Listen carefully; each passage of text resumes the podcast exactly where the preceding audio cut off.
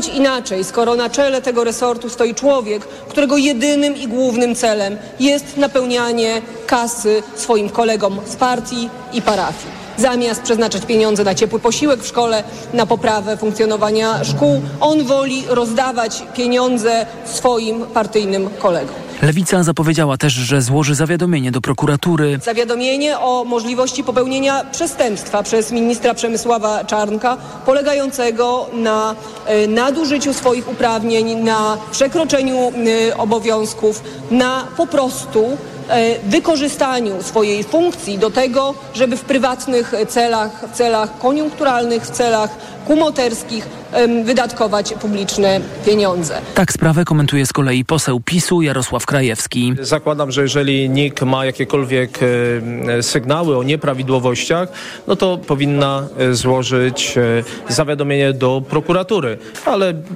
myślę, że z e, ogromnym spokojem można czekać na dodatkowe informacje w tej sprawie, ponieważ wielokrotnie minister Czarnek, ale również inne osoby z Ministerstwa Edukacji Narodowej zapewniały, że wszystko odbyło się zgodnie z prawem. Sama Najwyższa Izba Kontroli nie chce komentować wyników kontroli do czasu ich publikacji oraz przedstawienia ustaleń w Sejmie przez prezesa Izby. Rzecznik NIK Łukasz Pawelski podkreśla jedynie, że kontrola była rutynowa, ale po medialnych informacjach na temat Willi Plus kontrolerzy postanowili dokładniej przyjrzeć się wydatkom resortu. Być może te wnioski pojawiłyby się bez tych publikacji, ale nie ukrywamy, że po tych publikacjach no, kontrolerzy szczególnie zwrócili uwagę na te wątki. Do sprawy w oświadczeniu odniósł się resort edukacji. Ministerstwo twierdzi, że programy były realizowane zgodnie z prawem oraz z założeniami programów, a znaczna część wykazanych nieprawidłowości została już poprawiona. Inne zalecenia Izby są wdrażane. Jednocześnie resort zaznacza, że projekty zostały wybrane w sposób transparentny. O czym mówił reporter TOK FM Krzysztof Chorwat. TOK 360. A skoro mówimy o Najwyższej Izbie Kontroli, to zagrożona jest niezależność jej samej. Tak wynika z raportu przygotowanego przez niezależny organ Międzynarodowej Organizacji zrzeszającej instytucje i urzędy kontrolne z całego świata, INTOSAI. Zagrożone mają być także swoboda wykonywania zadań ustawowych, nieograniczony dostęp do informacji w toku kontroli, ale też autonomia finansowa i zarządcza. PKN Orlen, Fundacja Orlen, Polska Fundacja Narodowa i KNF to są przykłady instytucji, które zdaniem Mariana Banasia nie współpracują z kontrolerami NIK jak należy. Mają odmawiać wydawania dokumentów albo przekazywać je z dużym opóźnieniem co jest absolutnie niedopuszczalne z uwagi na, na przepisy. Wyraźnie mówią, że spółki Skarbu Państwa, ale każda spółka, nawet prywatna, która ma środki publiczne, no, jest zobowiązana, musi się poddać kontroli. A tutaj mamy ewidentne przypadki właśnie odmawiania takiej kontroli. No i Najwyższa Izba Kontroli może jedynie kierować zawiadomienia do prokuratury, dodaje rzecznik Izby Łukasz Pawelski.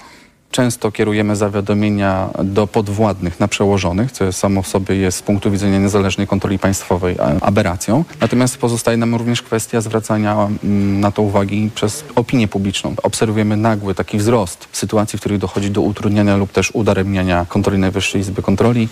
A sam raport ma teraz zostać przesłany do Sejmu i Kancelarii Premiera. TOK 360. Joachim Brudziński pokieruje kampanią wyborczą Prawa i Sprawiedliwości. Na stanowisku szefa sztabu zastąpił właśnie Tomasza Porębę. Politycy PiSu liczą, że stworzy nową energię, że y, właśnie jego działanie doprowadzi do zwycięstwa w jesiennych wyborach. Natomiast opozycja uważa, że y, zastąpienie na czele sztabu jednego europosła drugim europosłem niczego nie zmieni, a obóz władzy musi się pogodzić z nadchodzącą przegraną. Tą sprawą i mm, właśnie kampanią wyborczą PiSu, y, którą będzie kierował Joachim Brudziński, zajął się reporter TOK FM Wawrzyniec Zakrzewski. Przedstawiciele PiSu w swoich wpisach, na przykład na Twitterze czy medialnych wypowiedziach podkreślają kampanijne doświadczenie Joachima Brudzińskiego. Wskazują, że jest odpowiednim człowiekiem na odpowiednim miejscu, ale przede wszystkim pokładają w nim nadzieję, że dzięki jego pomysłom PiS będzie rządziło kolejną trzecią kadencję mówi poseł Jarosław Krajewski. Joachim Brudziński jest osobą z ogromnym doświadczeniem i jest osobą, która już wielokrotnie pracowała w sztabach wyborczych Prawa i Sprawiedliwości. Jestem przekonany, że będzie to bardzo ważny sygnał również dla naszych sympatyków, żeby e, po prostu za, zachować tą ogromną mobilizację, no i żeby w ciągu najbliższych kilku miesięcy przekonać jeszcze dodatkowych Polaków do tego, że warto poprzeć Prawo i Sprawiedliwość. Tymczasem opozycja zauważa, że dotychczasowa kampania PiSu była pasmem błędów i porażek, jak choćby skandaliczny spot, w którym wykorzystano w dodatku bez zgody autora zdjęcia obozu zagłady Auschwitz po to, żeby zaatakować opozycję. Mówił szef klubu Lewicy Krzysztof Gawkowski, poseł Cezary Tomczyk z Koalicji Obywatelskiej oraz rzecznik PSL-u Miłosz Motyka. Prawo i Sprawiedliwość zmienia szefa sztabu, ale można mieć wrażenie, że zamienia siekierkę na kijek. Pan Brudziński kierował kampaniami, ale również trzeba przypomnieć tymi przegranymi. Pan Brudziński ma wiele na sumieniu. Ja myślę, że tyle już jest wody nalane do basenu, którym PiS się topi, że nikt go nie odratuje. Kaczyński o tym wie, poświęca kolejnych ludzi, ale ta kampania, żeby ją podnieść z kolan, nie ma już szans. Do tej pory kampania to była jedna wielka kompromitacja i szczerze mówiąc nie sądzę, żeby wiele się w tej sprawie zmieniło. Kampania wyborcza to nie jest tylko i wyłącznie kilka miesięcy przed wyborami, ale przede wszystkim jest to cena czteroletnich rządów Prawa i Sprawiedliwości, a te wypadają i wyglądają fatalnie. Więc europoseł Brudziński, który przez te ostatnie lata był w Brukseli i w związku z polską rzeczywistością absolutnie żadnego nie ma, tej kampanii po prostu nie uratuje. Zwłaszcza, jak mówi jednym głosem opozycja, że ciągną się za nim liczne afery, jak chociażby ta opisana przez Gazetę Wyborczą, związana z jego luksusowym apartamentem, który wyremontował mu podlegający rządzącym polski holding hotelowy, czy nagłośniona przez TVN sprawa wpłat na jego kampanię do Parlamentu Europejskiego, a chodziło o ponad 400 tysięcy złotych od osób zatrudnionych w zależnych od rządu spółkach i państwowych instytucjach. Wawrzyniec Zakrzewski, TOK FM. TOK 360. Szef amerykańskiej dyplomacji Antony Blinken spotkał się z przywódcą Chin Xi Jinpingem. To pierwsze takie rozmowy od 2018 roku. Stosunki Pekinu i Waszyngtonu są napięte już od dłuższego czasu. Amerykańska administracja po wybuchu wojny w Ukrainie poinformowała, że ma dowody na wspieranie przez Chiny rosyjskich działań wojennych. Napięcie wzmagają też regularne ćwiczenia chińskiej marynarki wojennej niedaleko Tajwanu. Stosunki popsuł też incydent z chińskim balonem, który w lutym wleciał w amerykańską przestrzeń powietrzną. Mówił w TOK FM Michał Bogusz z Ośrodka Studiów Wschodnich. Obie strony postanowiły jednak odnowić kontakty dyplomatyczne. W końcu stanęło w sumie na drobnych gestach ze strony Amerykanów. Na przykład Joe Biden powiedział, że prawdopodobnie Xi Jinping nie wiedział o tym balonie, ale to nie były żadne poważne ustępstwa. Pekin w końcu ustąpił, zgodził się na przyjazd Blinkena. Odnowiono kontakty. Prawdopodobnie także Pentagon i chińskie Ministerstwo Obrony nawiążą jakieś bezpośrednie łącza, ale na więcej bym się nie spodziewał. Media donoszą, że wizyta sekretarza stanu USA w Pekinie może pomóc w zorganizowaniu spotkania między prezydentem Chin a prezydentem Joe Bidenem. Ale na tę chwilę, jak podkreślał gość Radia Tok FM Michał Bogusz, to bardzo odległa perspektywa. TOK 360. Amerykański Instytut Studiów nad Wojną przewiduje, że ukraińska armia może wstrzymać kontrofensywę na froncie. Zdaniem ekspertów Kijów może zarządzić przerwę w natarciu, by przeanalizować swoją dotychczasową taktykę. Analitycy Instytutu wzięli pod uwagę medialne doniesienia powołujące się na sojusznicze źródła wojskowe, na przykład wywiad szefa estońskiego wywiadu wojskowego, pułkownika Margo Grosberga, który stwierdził, że w najbliższych dniach nie będziemy widzieć ukraińskiej ofensywy. Obecne działania Ukraińców ocenił jako mniejsze operacje, których celem jest rozpoznanie rosyjskiej obrony i znalezienie jej słabych punktów. Prezydent Ukrainy Wołodymyr Załański twierdzi, że odzyskanie okupowanych terytoriów to jest kwestia czasu. Rosja straci okupowane tereny. Nie ma alternatywy dla deokupacji. Część ekspertów zwraca uwagę na działania Ukrainy na rosyjskich tyłach frontu. Częstsze ostrzały rakietowe i działania sabotażystów mają na celu osłabienie rosyjskich linii zaopatrzenia. A dzisiaj rano ukraińska minister obrony Hanna Mallar poinformowała o wyzwoleniu spod rosyjskiej okupacji kolejnej miejscowości. To Piatychatka w obwodzie zaporowskim. Ukraińskie władze informują też, że w trakcie dwóch tygodni walk na tym kierunku wyzwolono w sumie osiem miejscowości i powierzchnię ponad 100 kilometrów kwadratowych. Te sukcesy na froncie cieszą, ale trzeba pamiętać, że Rosja również ma ogromne siły, które są w natarciu.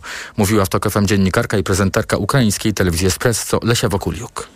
Rosjanie też walczą i walczą z dużą siłą. Po tym, jak to, co Rosjanie zrobili z e, elektrownią łodną Kachowską, to oni teraz, te jednostki e, wojskowe, które byli tam w obozie hersońskim, teraz idą do Bachmutu i Zaporoża, bo tam trwają duże walki i właśnie kilka tysięcy wojskowych rosyjskich będą przemieszczeni w tym kierunku. O tym, co się dzieje na froncie w Ukrainie, pisze Wall Street Journal.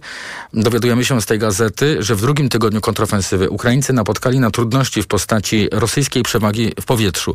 Ukraina straciła z tego powodu część zachodniego uzbrojenia. Dlatego Kijów e, nieustannie apeluje do Zachodu o pomoc wojskową, szczególnie o sprzęt do obrony przeciwlotniczej. A do sytuacji w Ukrainie jeszcze będę wracał w podsumowaniu dnia w rozmowie z Markiem Kozubelem, historykiem i redaktorem współpracującym z portalem Defense24. TOK 360. W kolonii karnej w obwodzie włodzimierskim rozpoczął się nowy proces wobec lidera opozycji antykremlowskiej Aleksieja Nawalnego, w którym władze zarzuciły mu ekstremizm. Nawalny już teraz odsiaduje wyrok 9 lat więzienia, a w trakcie obecnego procesu może usłyszeć kolejną karę nawet 30 lat pozbawienia wolności. Mówiła o tym w Radiu Tok FM profesor Agnieszka Legucka z Polskiego Instytutu Spraw Międzynarodowych oskarża się e, go o to, co tworzył e, Aleksiej Nawalny, czyli organizację pozarządową, tworzył sztaby wyborcze. Aleksiej Nawalny ma być przykładem dla innych osób w Rosji, jaką drogą nie powinno się podążać. Za e, ekstremistyczną uznana została także aktywność Nawalnego polegająca na tworzeniu organizacji młodzieżowej zajmującej się polityką. Nawalny przebywa za kratami od roku 2021. Został zatrzymany po powrocie do Rosji z Niemiec, gdzie leczył się po próbie otrucia. Następnie sąd odwiesił Nawalnemu dawny wyrok więzienia za rzekome defraudacje finansowe. Później polityk usłyszał kolejny wyrok. 9 lat kolonii karnej o zaostrzonym rygorze na podstawie oskarżeń o defraudację i obrazę sądu. TOK 360. Nadciągają upały. Na południu i w centrum kraju temperatura przekroczy 30 stopni w cieniu, a to oznacza dużo pracy dla zespołów pogotowia ratunkowego, które częściej wyjeżdżają do zasłabnięć i udarów słonecznych. Upały wpływają na zaostrzenie także chorób przewlekłych, dlatego osoby starsze i z problemami kardiologicznymi, jeśli nie muszą, to nie powinny przebywać na słońcu. Radzi Krzysztof Wiśniewski z Wojewódzkiej Stacji Pogotowia Ratunkowego w Bydgoszczy. Zalecamy, jeżeli ktoś nie musi, to nie wychodzić w godzinach neuralgicznych, czyli między 10 godziną a 15, gdzie ten upał jest najbardziej doskwierający. Butelka w rękę, jeżeli wychodzimy gdzieś w teren, czy też dwie. Oczywiście filtry, y, okulary z filtrem, kremy z filtrem. Trzeba też uważać na małe dzieci. Jak ja z nim chodzę, no to cienia szukamy. Raczej rano na spacer z takim tak, maluchem. Tak, Jak takie są upały, to wychodzimy tam o 10 i wtedy przed 12 już wracamy do domu. Upały mają utrzymywać się przez kilka dni. O pogodzie więcej już za kilka minut po ekonomii 360, a ekonomiczne podsumowanie dnia już za chwilę w Radiu Tok FM.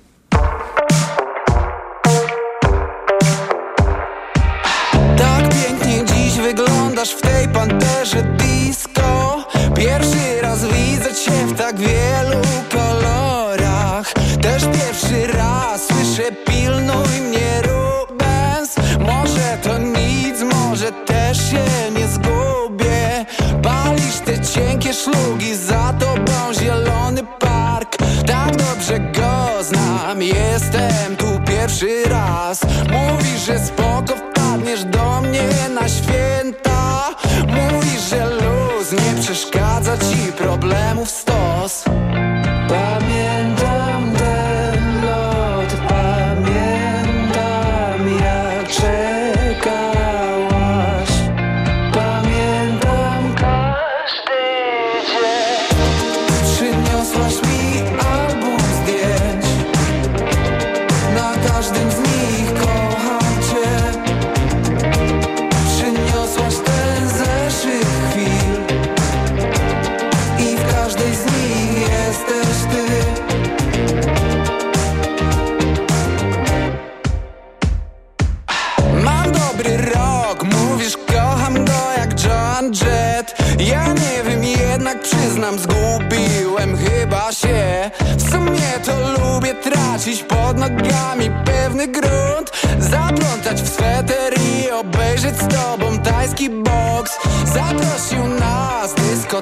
dyskoteka przy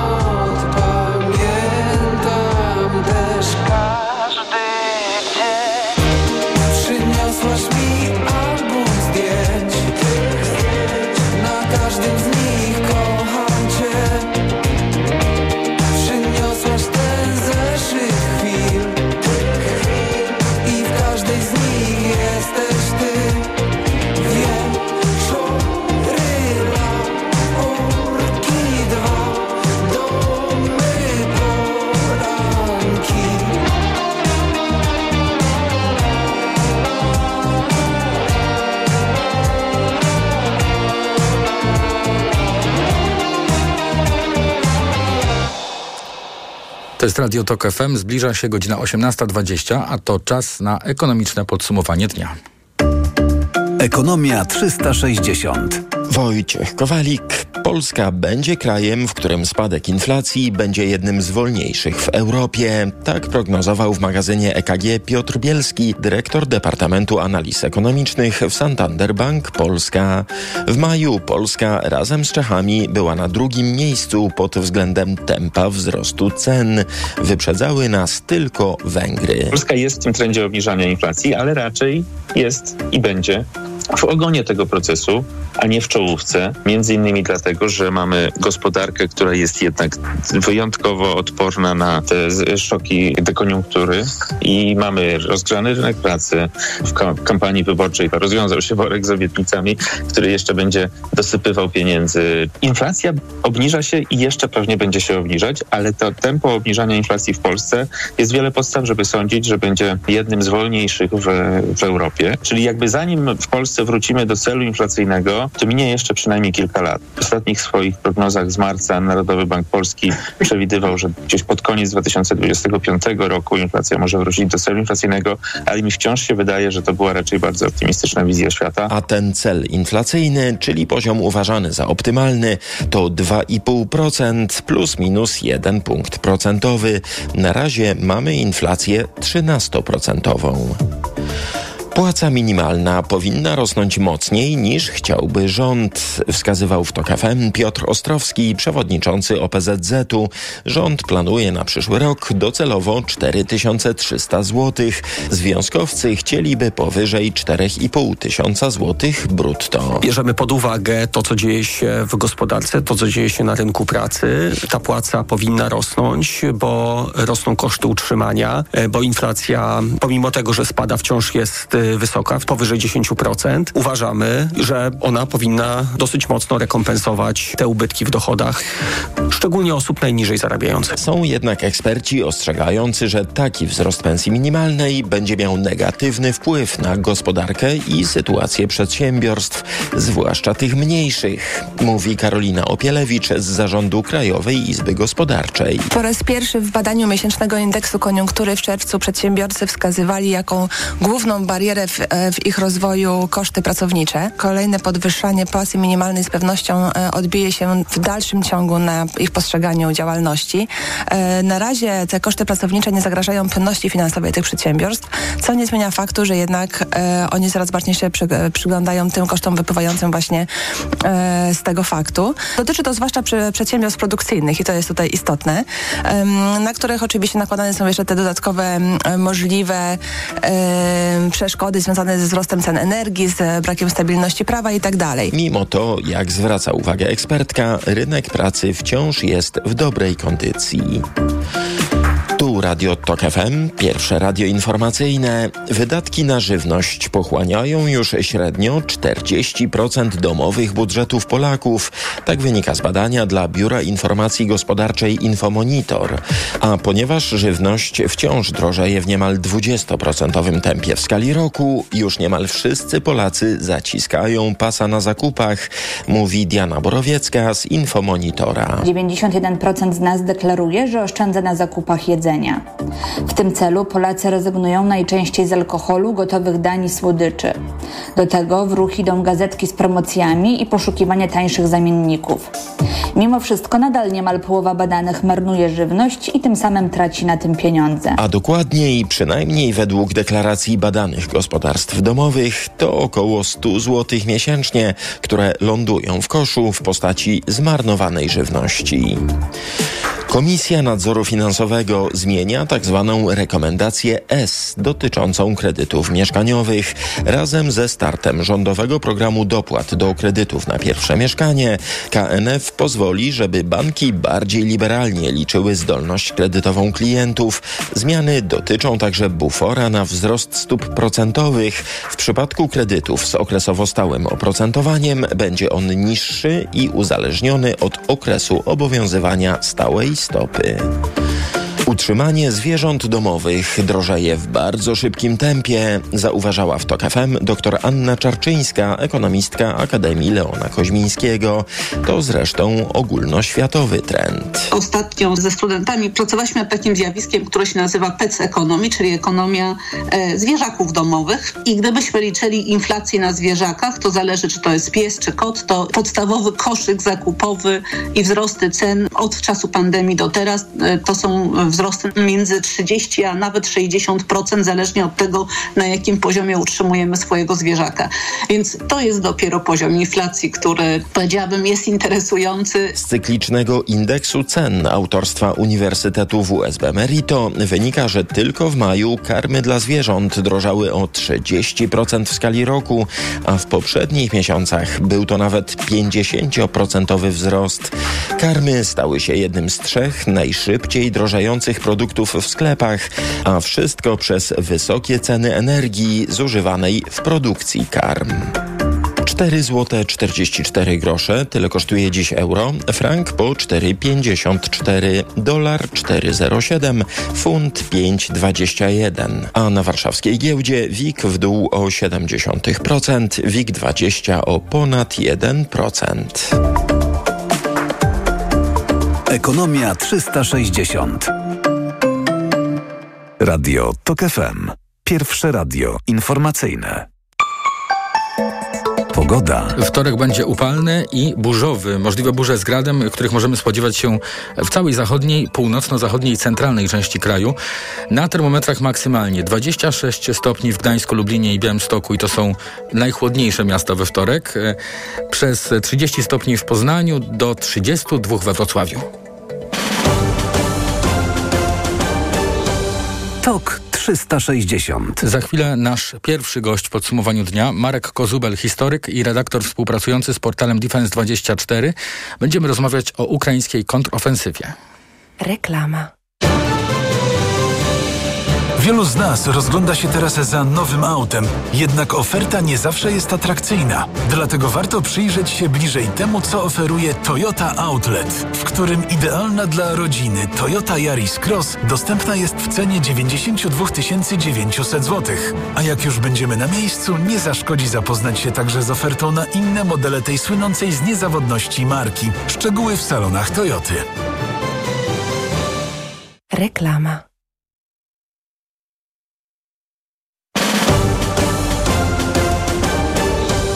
TOK 360. Podsumowanie dnia w Radiu TOK FM. Wojska ukraińskie mogą na pewien czas zrobić przerwę w operacjach kontrofensywnych przeciwko siłom rosyjskim, aby przeanalizować swoją taktykę. To jest fragment komunikatu amerykańskiego Instytutu Studiów nad Wojną, którego analitycy przytaczają wypowiedź szefa estońskiego wywiadu wojskowego pułkownika Margo Grosberga. E, ten oświadczył, że w ciągu najbliższych siedmiu dni nie będziemy e, widzieć e, ofensywy. Jakie są tego powody? O tym mam nadzieję za chwilę porozmawiać z naszym pierwszym gościem. E, Wall Street Journal z kolei napisał, że Ukraińcy prawdopodobnie e, zrobili przerwę w swoich atakach w ostatnich dniach, w związku z tym, że dowództwo dokonuje analizy e, tej właśnie zastosowanej taktyki. Czyli innymi słowy, Ukraińcy chcą sobie dać trochę czasu, wstrzymując właśnie te działania związane z kontrofensywą.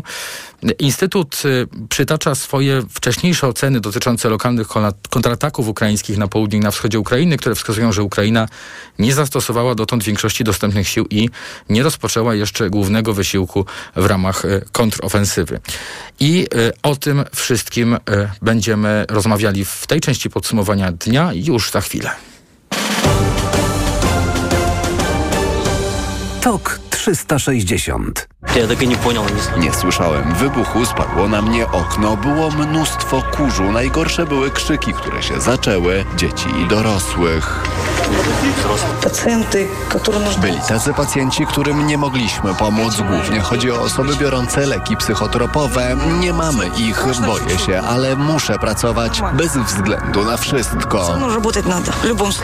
Wciąż tam cywili mieszkają i ten prąd niezbędny dla pomocy im w obronie cywilnej, dla schronów, dla placówek medycznych, dla jakichś posłów rządowych czy samorządowych, którzy oni wciąż potrzebują.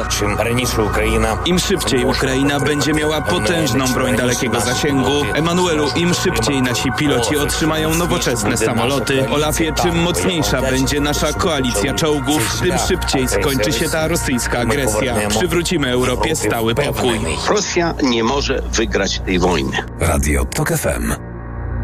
Pierwsze radio informacyjne. Posłuchaj, ściub zrozumite.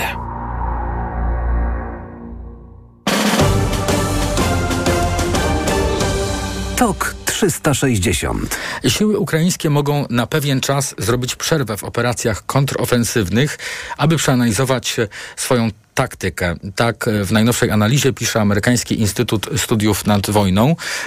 Na ten temat będę rozmawiał teraz z naszym pierwszym gościem, Marek Kozubel, historyk i redaktor współpracujący z portalem Defense24 jest już w tej chwili razem z nami. Dzień dobry. Halo, halo, czy się słyszymy?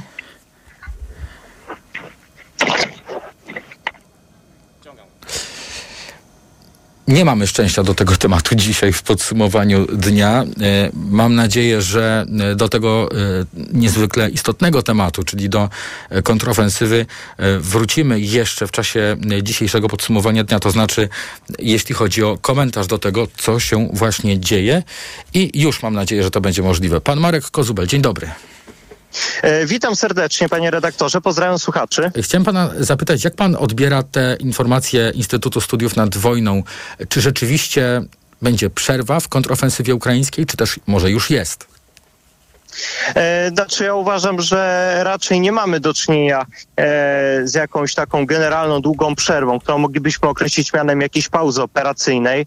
E, Ukraińcy no, cały czas e, tutaj działają metodą salami, e, czyli po prostu osłania, osłabiają przeciwnika i w tej strefie frontowej, przyfrontowej, ale również dokonują uderzeń na jego zapleczu. No chociażby wczoraj doszło do zniszczenia dużego składu amunicji niedaleko Heniteska przy węźle kolejowym. Także no tutaj raczej nie mamy do czynienia z tym, żeby Ukraińcy mieli się jakoś na dłużej zatrzymywać. Ewentualnie, jeżeli już to będziemy mogli mówić o jakichś e, pauzach e, taktycznych, ale tutaj trzeba pamiętać o tym, e, że trochę niepotrzebnie publika oczekiwała, że będziemy mieć do czynienia z Blitzkriegiem rodem z II wojny światowej.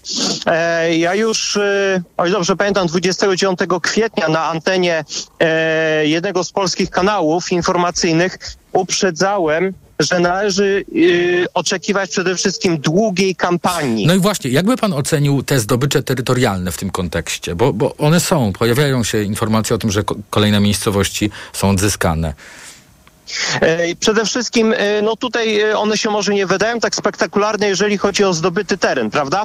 E, bo tutaj e, mamy do czynienia mniej więcej z takimi e, trzema niewielkimi, no nawet nie e, przełamaniami, bardziej tutaj mamy do czynienia z takim e, wypchnięciem Rosjan e, na południe. E, przede wszystkim na południe od Orichowa, Kamianki e, oraz na południe od Wołyka i Nowosiłki, e, czyli na styku obwodów Donieckiego i Zaporowskiego. Właśnie w tamtym miejscu doszło zresztą do największego przełomu, ale musimy pamiętać, że e, na razie Ukraińcy osiągnęli sukcesy terenowe e, w tak zwanym pasie przysłaniania, e, czyli tej strefie, która się znajduje przed pierwszą główną linią rosyjskiej obrony. To jest ten teren, gdzie Rosjanie mieliby przede wszystkim stawiać opór głównie po to, żeby opóźnić działania Ukraińców, określić główne kierunki ich uderzeń oraz siłę nacierających oddziałów. I to jest też przede wszystkim ten teren, który w zasadzie e, no, należy na dłuższą metę spodziewać się tego, że on po prostu wpadnie w ręce przeciwnika. Tymczasem zwróćmy uwagę na to, że Rosjanie e, miejscami dość desperacko, na przykład na południu od Wołyki Nowosiłki, starali się bronić również pasa przesłaniania. E, ja podejrzewam, że e, Ukraińcy prawdopodobnie planują powyciąganie tak e, rosyjskich rezerw z czasem, e, ale nie tyle po to, żeby je wykrwawić, choć to na pewno jest Ukraińców celem, ale też chodzi o to, żeby w ogóle zaangażować je e, w walkę w strefie frontowej i przyfrontowej. Dlaczego? Bo chodzi o to, że jeżeli rosyjskie rezerwy albo ich większość znajdą się e, w pobliżu linii frontu, e, to wtedy będzie je ciężej oderwać i przerzucić na inny zagrożony odcinek one będą po prostu e, związane walką albo ich manewrowanie nawet w strefie przyfrontowej będzie bardzo utrudnione. No tutaj chociażby e, musimy zdawać sobie sprawę z tego, że Ukraińcy mają jednak lepsze rozpoznanie niż przeciwnik. I chodzi nie tylko o wsparcie satelitarne ze strony państw NATO. E, problem Rosjan polega na tym, że oni e, mają problem na przykład z dowożeniem większej ilości zaopatrzenia. Mogą mieć też problem z przerzucaniem od razu e, większych oddziałów bo po prostu duże kolumny zwrócą na siebie uwagę i natychmiast może na przykład pojawić się ostrzał z Hajmarsów albo wyrzutni M270. Gdyby pan mógł e, bardzo krótko, bo już musimy kończyć, e, ale e, właściwie tak jednym zdaniem podsumować, jak przygotowani okazali się Rosjanie do tego wszystkiego.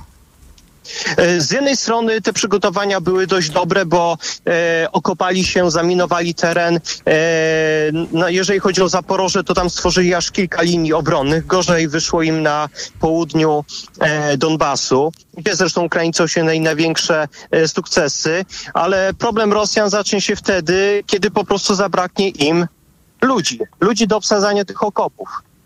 Bo e, po prostu korytarze w polach minowych Ukraińcy będą mogli zrobić.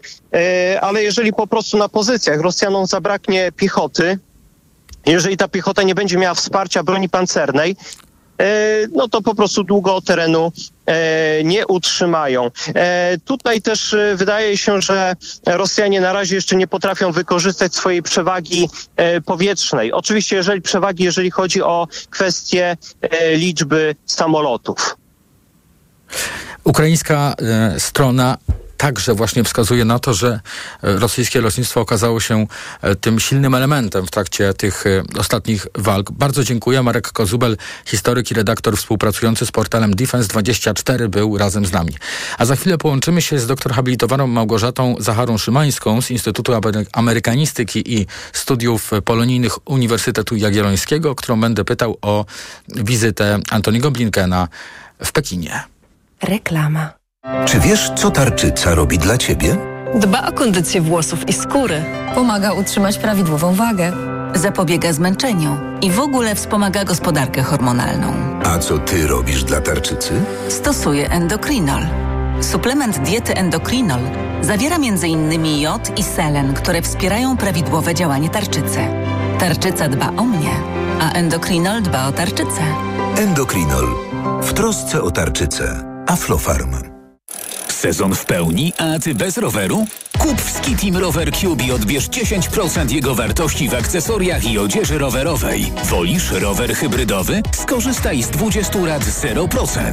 Przyjdź do sklepów otwartych także w niedzielę lub wejdź na skitim.pl. Skitim! Bóle nóg, obrzęki, żylaki zatrzymują Cię w pół kroku? Przyczyną mogą być osłabione naczynia, a także zakrzepy. Sięgnij po nowość. Rostil Max z maksymalną dawką substancji czynnej w jednej tabletce. Rostil Max działa podwójnie, wzmacnia naczynia i przeciwdziała tworzeniu się zakrzepów. Rostil Max. Żylaki znikają raz, dwa. Aflofarm. Rostil Max. Tabletka zawiera 500 mg apniatu bezylanu jednowodnego. Wskazania leczenia objawów przewlekłej niewydolności krążenia żylnego kończyn dolnych. To jest lek. Dla bezpieczeństwa stosuj go zgodnie z ulotką dołączoną do opakowania i tylko wtedy, gdy jest to konieczne. W przypadku wątpliwości skonsultuj się z lekarzem lub farmaceutą. Rozsmakuj się w kulinarnych podróżach z Lidlem. Już w tym tygodniu kierunek USA, a w ofercie różne rodzaje burgerów aż 20% taniej oraz syrop klonowy 14,99 za 250 ml.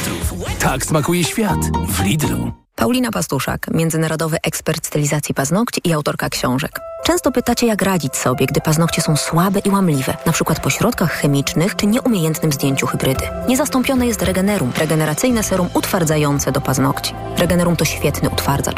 Tworzy na paznokciach tarczę ochronną, zabezpieczając je przed uszkodzeniami. Regenerum wzmacnia i odbudowuje paznokcie, wypełniając uszkodzenia. Utrzymuje się do 7 dni i pozostawia je mocne, gładkie i błyszczące. Regenerum. Pełna regeneracja. Jest takie miejsce na skraju wielkopolskiego lasu, gdzie nieustannie słychać szum potężnych drzew i odgłosy spacerujących żurawi. Sezonowa kuchnia, atrakcje dla dzieci, a także niesamowita strefa spa z basenem, saunami oraz szeroką ofertą zabiegów relaksacyjnych. Hotel Barczyzna Medical Spa, położony zaledwie 30 minut od Poznania, to inspiracja dla niezapomnianych przeżyć oraz prawdziwego odprężenia. Zajrzyj na hotelbarczyzna.pl i wpadnij do naszego leśnego świata. Gotowi na wakacje?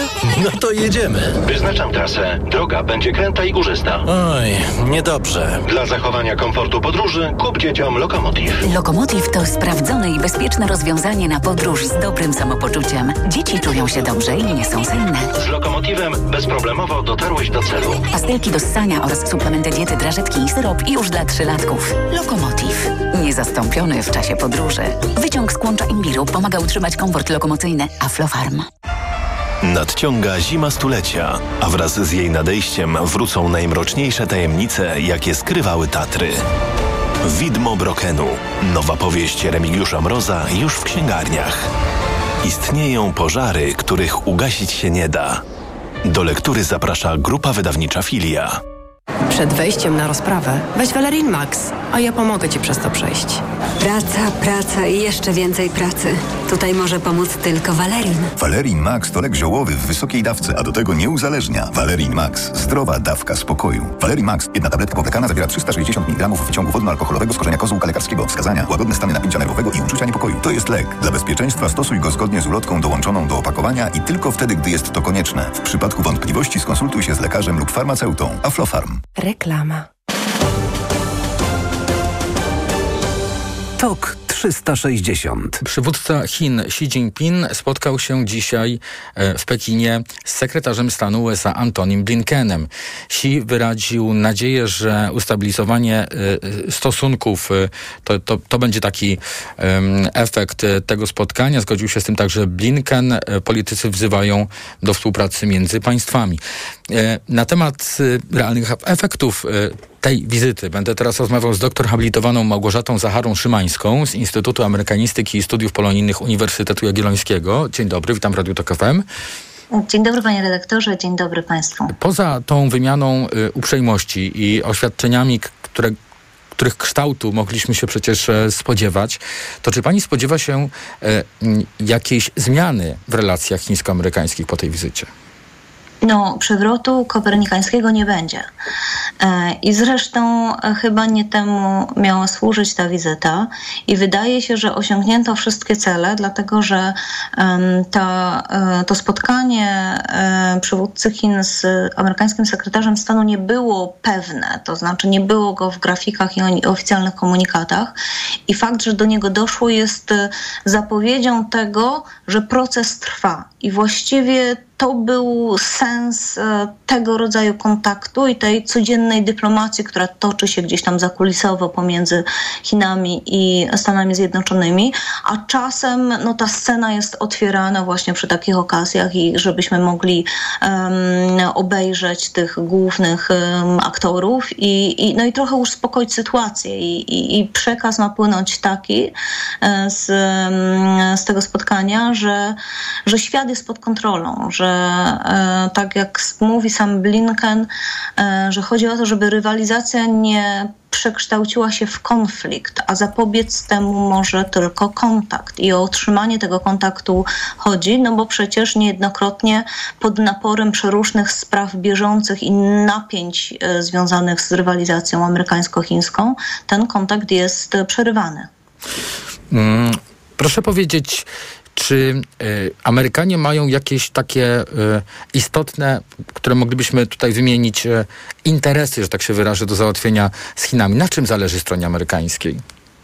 Stronie amerykańskiej zależy na tym, żeby Chiny wycofały się z ekspansji, różnego rodzaju ekspansji, dlatego że e, sytuacja sprowadza się do tego, że po raz pierwszy od e, kilkuset lat świat zachodni, nad którym dowództwo objęło, czy przywództwo objęły Stany Zjednoczone po II wojnie światowej, zostaje w pewien sposób przysłonięty wagą i rosnącą potęgą państw azjatyckich pod przywództwem e, Chin właśnie.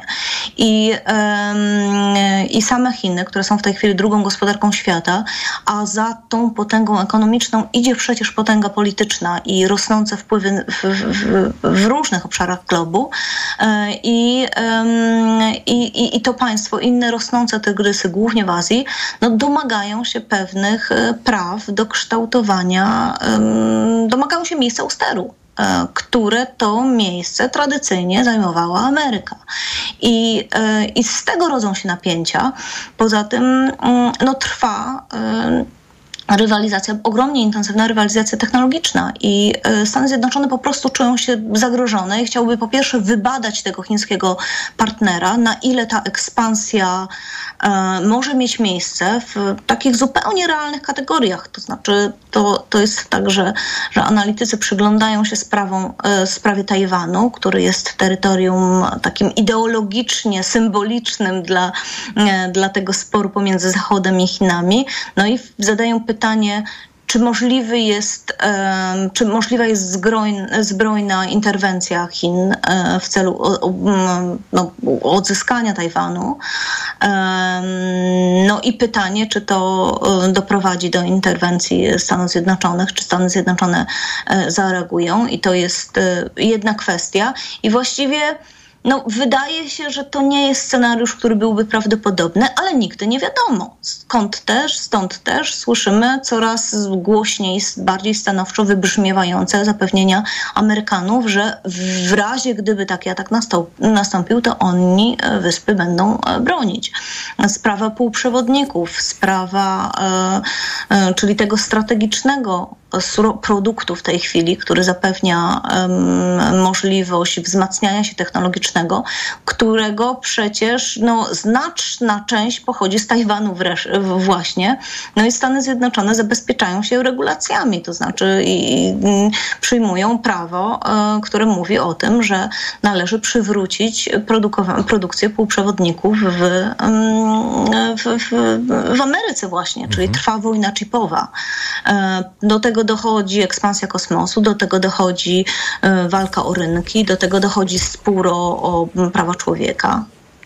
Xi Jinping zapewnia amerykańskiego gościa, że Chiny nie rzucą wyzwania i nie będą dążyć do zastąpienia Stanów Zjednoczonych, w co myślę opinia publiczna w takie zapewnienia nie wierzy. Ja chciałem zapytać już zupełnie na koniec, czy pani zgadza się z tą oceną, że to jest historyczna wizyta, że to, że to jest taki moment, który może e, w, w, wpłynąć na e, jakieś takie kolejne spotkania, jak choćby potencjalnie Joe Bidena z Xi Jinpingem?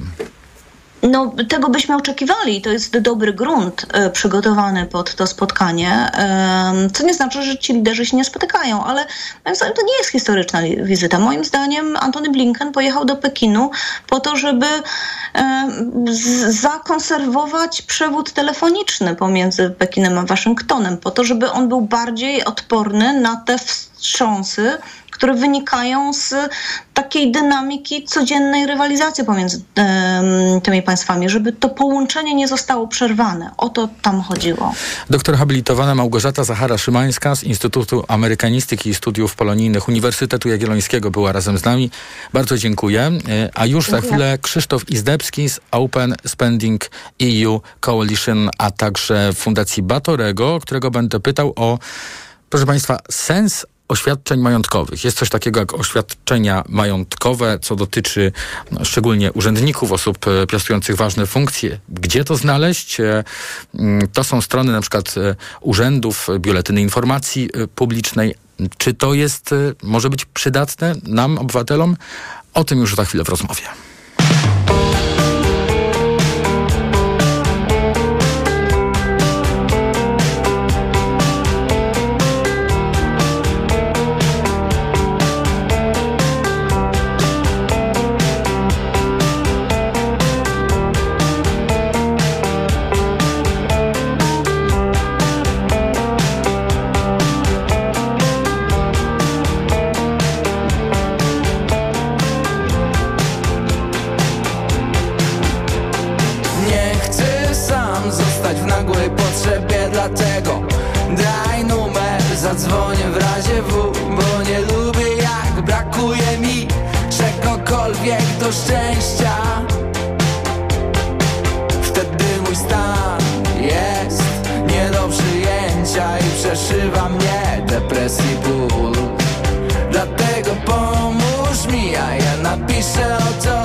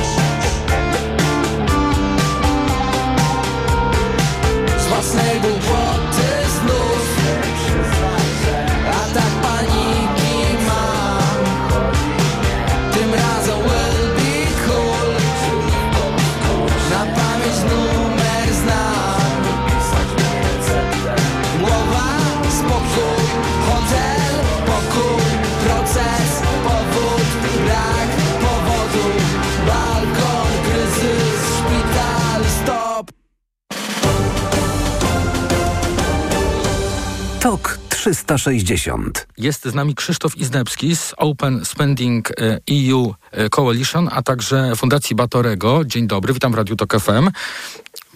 Dzień dobry, witam pana, witam państwa. Będziemy rozmawiali o oświadczeniach majątkowych. Wiosną pojawiają się w internecie na stronach urzędów różnych instytucji właśnie oświadczenia majątkowe. Na przykład na początku czerwca byłej pani premier Beaty Szydło, obecnie europosłanki.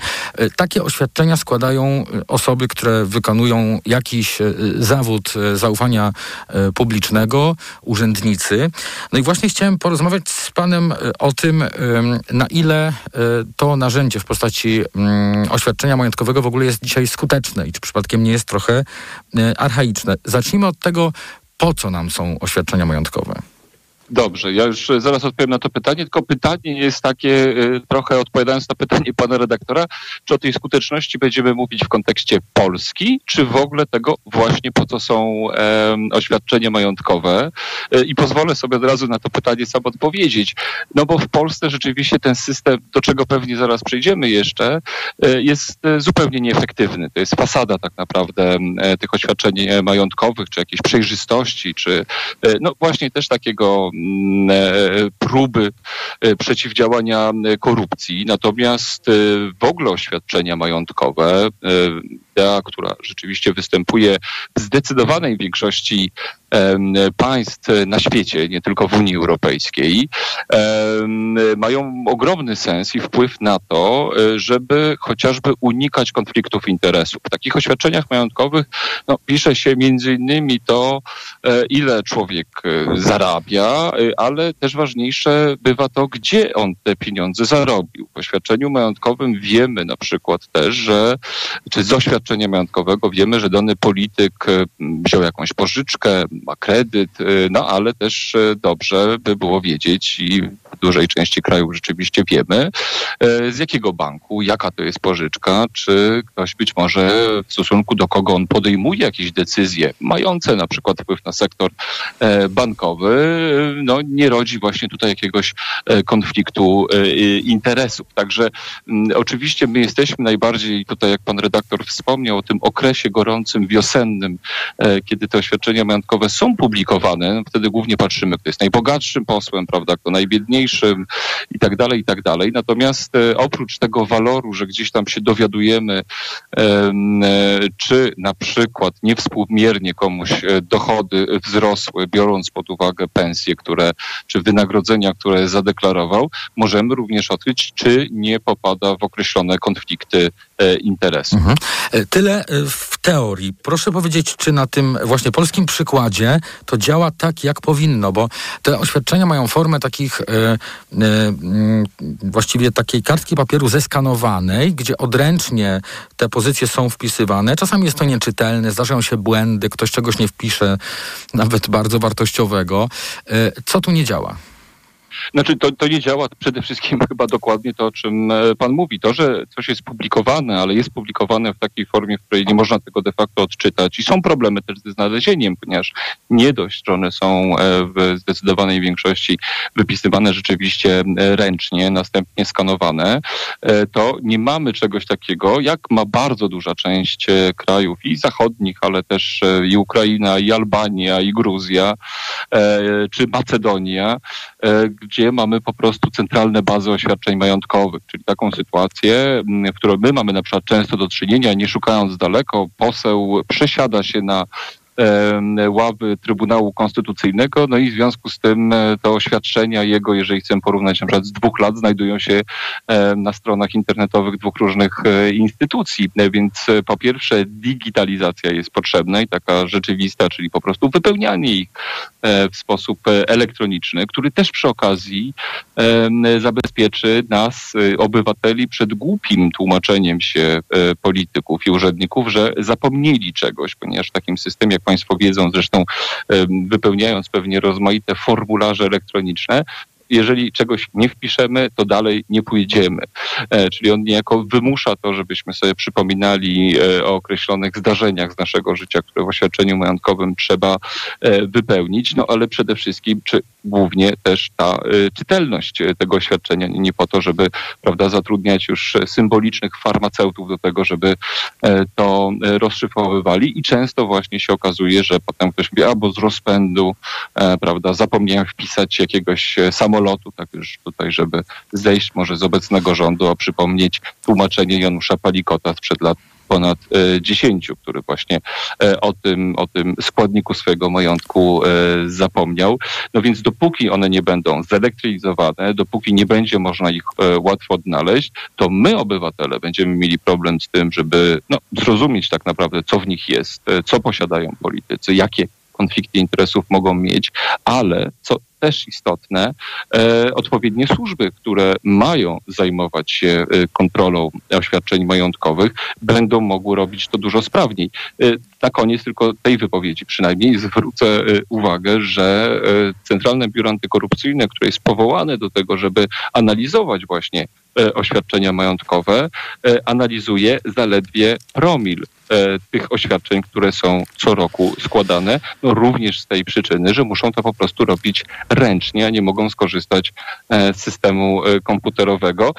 Gruzini na przykład już trzy lata temu wprowadzili takie rozwiązanie, że nie dość, że właśnie wypełniane one są elektronicznie, jest taka centralna baza, to jeszcze stworzono specjalne oprogramowanie, które pewne nieprawidłowości no, wyszukuje, oznacza jako takie czerwone flagi do głębszej mhm. Analizy. To powiedzmy jeszcze na koniec, dlaczego te powiedzmy nowinki nie pojawiają się w Polsce, tylko to tak wygląda jak 20 czy 30 lat temu? Jakby pan mógł krótko na koniec powiedzieć? E, tak, to już mówię bardzo krótko. Wydaje mi się, że to jest kwestia woli politycznej. Mówimy o czymś, co jest po prostu samoregulacją. E, nie jest w interesie polityków to, żeby to był system przejrzysty, bo nie będą mogli się właśnie tłumaczyć, że o czymś zapomnieli, czy coś, coś pominęli.